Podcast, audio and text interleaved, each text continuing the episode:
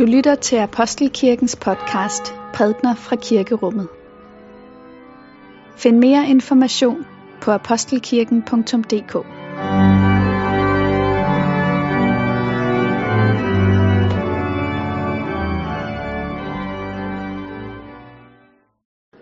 Godmorgen og velmødt til gudstjeneste for denne fjerde søndag i advent. Velkommen til jer, som har haft mod til at møde op her i kirken, og velkommen til jer, der sidder hjemme for os foran jeres computer og følger med. Temaet for dagens gudstjeneste er Johannes Døber. De sidste to søndage før julefejringen, der øh, handler søndagens prædiketekster om Johannes Døber, og det er hans skikkelse, som vi i dag skal samle vores tanker om, og se hvordan den hjælper os til at forberede os til jul. Vi skal læse fra evangelisten Johannes. Lad os takke for Guds ord. For Guds ord i skriften, for Guds ord i blandt os, for Guds ord inde i os, takker vi dig, Gud. Dette er Johannes' vidnesbyrd, da jøderne fra Jerusalem sendte præster og levitter ud til ham for at spørge ham, hvem er du? Der bekendte han og benægtede ikke. Han bekendte, jeg er ikke Kristus. Hvad er du da? spurgte de ham. Er du Elias? Det er jeg ikke, svarede han. Er du profeten? Nej, svarede han. Så sagde de til ham, hvem er du da? Vi skal have svar med til dem, der har sendt os. Hvad siger du om dig selv? Han svarede, jeg er en, der råber i ørkenen, jævn Herrens vej, som profeten Esajas har sagt. De var udsendt af farisæerne, og de spurgte ham, Hvorfor døber du så, når du hverken er Kristus, eller Elias, eller profeten? Johannes svarede dem, Jeg døber med vand. Midt i blandt jer står en, som I ikke kender. Han, som kommer efter mig, og hans skurem er jeg ikke værdig til at løse. Dette skete i Betania på den anden side af Jordan, hvor Johannes døbte. Amen. Lad os bede. Må min munds ord og vores hjerters tanker være dig til behag, o Gud. Amen. Når man nærmer sig julen, af den vej, som er angivet gennem kirkeåret og dets tekstrækker, så støder man umiddelbart før selve højtiden på en skikkelse, en noget dyster skikkelse ude i ørkenen, nemlig Johannes Døber. Og fortsætter man så på den anden side af julehøjtiden og festen, Øh, så støder man på en anden tilsvarende dyster skikkelse, nemlig Stefanus. Disse to personer, som ligesom så at sige flankerer julefesten og julehøjtiden i kirkeåret, de gav begge to deres liv for deres tro. For deres vidnesbyrd om ham, der skulle komme, i Johannes' tilfælde, og ham, der var kommet i øhm, øh, øh, Stefanus' tilfælde. Den ene blev halshugget, den anden blev stenet ihjel. Det er den vej, vi skal nærme os julen ad i dagens gudstjeneste. Vi skal se, hvad, hvad Johannes døber i grunden har at sige til os her, fire dage før vi skal holde en jul, der nok ikke kommer til at minde om den jul, vi plejer at holde. Det er som om, at, at julen hermed sættes i en ramme, og øh, den ramme skal hjælpe os til at den nedlukning, som vi befinder os i, de begrænsninger, der er sat over vores fejring, ikke bare bliver et savn, men også kan blive en anledning til fordybelse i det, som virkelig er julens budskab til os i dag. Så lad os nu starte med at bruge lidt tid på at forstå, hvem Johannes Døber i grunden er. Og det første, som jeg tror slår os, når vi læser beretningerne om Johannes Døber, det er, hvor utilpasset han er. Altså, Johannes Døber, han befandt sig ude i ørkenen. Og derude gik han klædt i en kameluldskjortel. Og han levede af græshopper og vilde biers honning. Så alene denne øh, skitse angiver jo en person, der ligesom er, ja, hvis man skal bruge et passende nutidigt ord, utilpasset. Han passer ligesom ikke ind i samfundet. Øh, og, og det ord, øh, utilpasset, det, det angiver jo på en måde et, et menneske, som har svært ved at finde sin plads. Altså, hvis, hvis man forestiller sig samfundet som et kæmpemæssigt stykke mekanik, og individerne som små hjul, der ligesom skal finde deres plads, der, nu passer jeg ind i sammenhængen. Nu bidrager jeg til det hele løber rundt. Hele det her kolossale samfundsmaskineri øh, og samfundsøkonomi. Og så må man sige om Johannes Støber, han fandt aldrig den plads. Han var livet igennem sat udenfor. Og det er som sådan, han taler til os. Han taler til os som en, en stemme, der kommer ude fra ørkenen ind til os, som bor øh, inde i byen.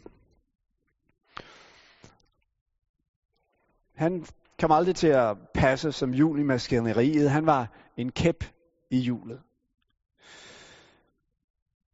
Hvis vi nu øhm, prøver at forestille os Johannes Døber i dag. Hvis vi forestiller os, at han meldte sig hernede ved indgangen til kirken her til formiddag, og sagde, at han gerne vil til gudstjeneste. Prøv at forestille jer, han står der, han har ikke tilmeldt sig. Og, øhm, og, og vi som står og tager imod dernede, vi, øh, vi må stå og kommentere og, og, og lige så venligt gøre ham opmærksom på, at det er altså om natten, de hjemløse sover her. Han passer ligesom ikke ind i sammenhæng, vel? Her på Vesterbro, der, der, der roser vi os af at være mangfoldige. Men altså, det er bestemt ikke en mangfoldighed, der vil kunne rumme et menneske som Johannes Støber. Altså, han, han hører ligesom ikke til i kategorien af, af normalitet. Eller forestil mig, øh, forestil dig mig at invitere ham hjem til juleaften eller til en middag. Altså, han vil jo ikke ane, hvordan man bruger kniv og gaffel. Han vil ikke øh, formå at konversere om det, der er oppe i tiden, det som alle snakker om. Han vil lugte. Så det er ham, vi har med at gøre, når vi taler om Johannes Døber. Et menneske, som øh, er utilpasset, som taler til os, så at sige, øh, udefra det menneskelige samfunds betryggende øh, fællesskab. Men hvorfor er det sådan med Johannes Døber? Jo, det er det, fordi at han har set noget, som andre ikke har set. Forestil dig, at du en dag kom gående ned ad Vesterbrogade, og der kommer et menneske imod dig, som øh, opfører sig anderledes end andre. Midt i den almindelige travlhed i byen, så er der et menneske, der med sin gebærder og sin gestik ligesom øh, udviser en form for ærefrygt og erbyrdighed, som øh, lige slet, slet ikke passer ind i sammenhængen. Og forestil dig så, at du vender dig om og bliver klar over, at der bag ved dig står et menneske, som faktisk gør krav på den slags erbødig handling.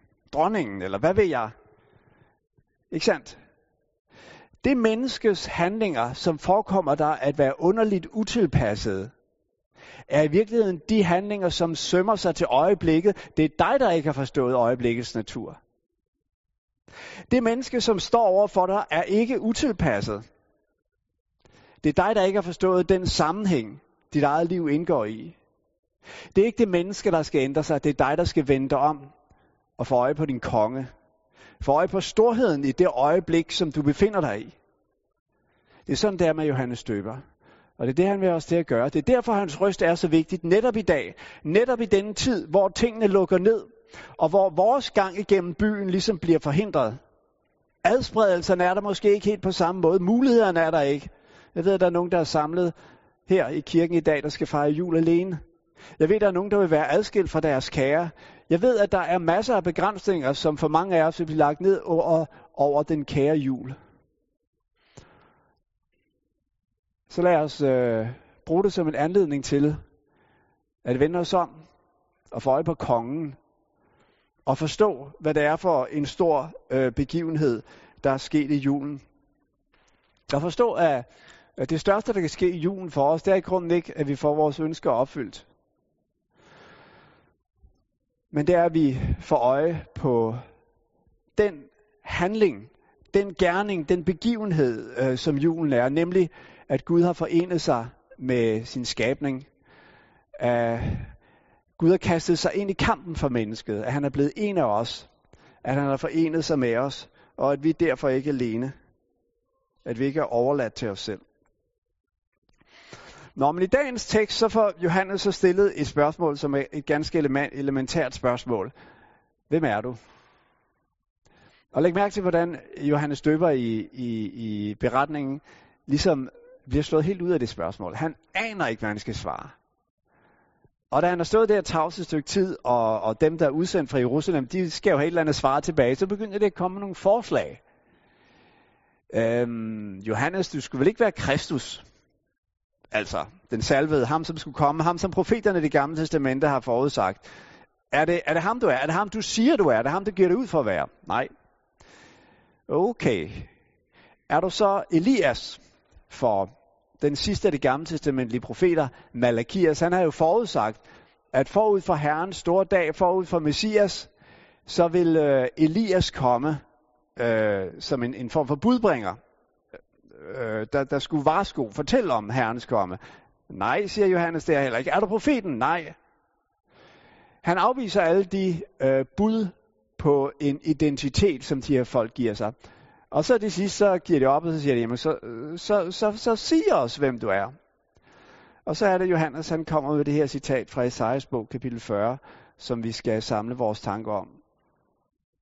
Jeg er en, der råber i ørkenen. Ban Herrens vej. En, der råber i ørkenen. Altså, når vi, når vi hører ordet ørken, så tænker vi måske på sådan øh, flade sandbanker. Men det ord, som er brugt her på græsk, eremos, vi kender det fra eremit, det betyder en, der er forladt. Det bliver også brugt om en kvinde, der er forladt af sin mand. Øhm, det betegner ødemark. Og faktisk, altså, det er jo et sted, ifølge Esajas, hvor der skal øhm, altså, banes en vej gennem øh, uvejsomt, øh, kuperet landskab øh, osv. Så, videre. så det, vi skal ikke se det flade foran os, men vi skal først og fremmest tænke på et sted, der er øde og forladt. Der står Johannes og råber. Øhm, man kan sige, at de to øh, ting ikke rigtig passer sammen. Hvis man skal råbe, så skal man gå et sted hen, hvor man bliver hørt. Det gør man ikke i en ørken. Øh, det er en af de ting, der er så karakteristiske ved Johannes døber. Han er ikke rigtig i stand til at beregne, øh, hvad skal man sige, hvordan hans, øh, hans virke, hans ord kan få den tilsigtede virkning. Altså, øhm, han lavede ikke et fremstød ind i Jerusalem. Han tænkte ikke, jeg har et budskab, jeg har noget, jeg skal have sagt. Lad mig finde de kanaler, som jeg kan bruge. Øh, jeg må ind til Jerusalem og stille mig op for en templet, eller på torvet, eller, eller hvad ved jeg. Nej, han står simpelthen derude i ørkenen og begynder at råbe. Hvis vi går helt tekst på, på teksten, så kan den faktisk oversættes sådan her. Jeg er en røst, der råber i ørkenen.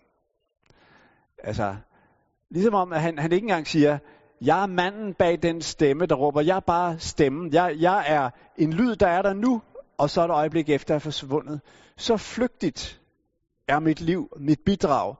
Det er bare en lyd, en røst, der lyder i ørkenen. Nu er den der, og nu er den der ikke længere. Men Johannes har noget at sige derude. Han har, han har et vidnesbyrd, han har et ord, der skal sagt, der skal siges. Han vil gerne sige, at kongen er kommet. Han vil sige til os, at der er sket noget, som gør, at verden er blevet et nyt sted, og at menneskelivet øh, har fået en helt ny øh, dimension og en ny betydning. Og han vil sige til os, som lever inde i byen, og er så optaget af at aflæse hinanden, aflæse andres forventninger, aflæse og sammenligne os med andre, og være i den her udtalte konkurrence, og så måske den her tid i tillæg oplever en form for adskillelse fra andre, en ensomhed, som bliver byrdefuld. Han vil sige til os, Vend dig om og se, hvem der står lige bag ved dig. Han er kommet. Han er kommet for at gøre alt det godt, som er gået galt. Han er kommet for at genoprette din værdighed. Det er ikke et arbejde, der påviler dig. Det er et arbejde, han har gjort for dig.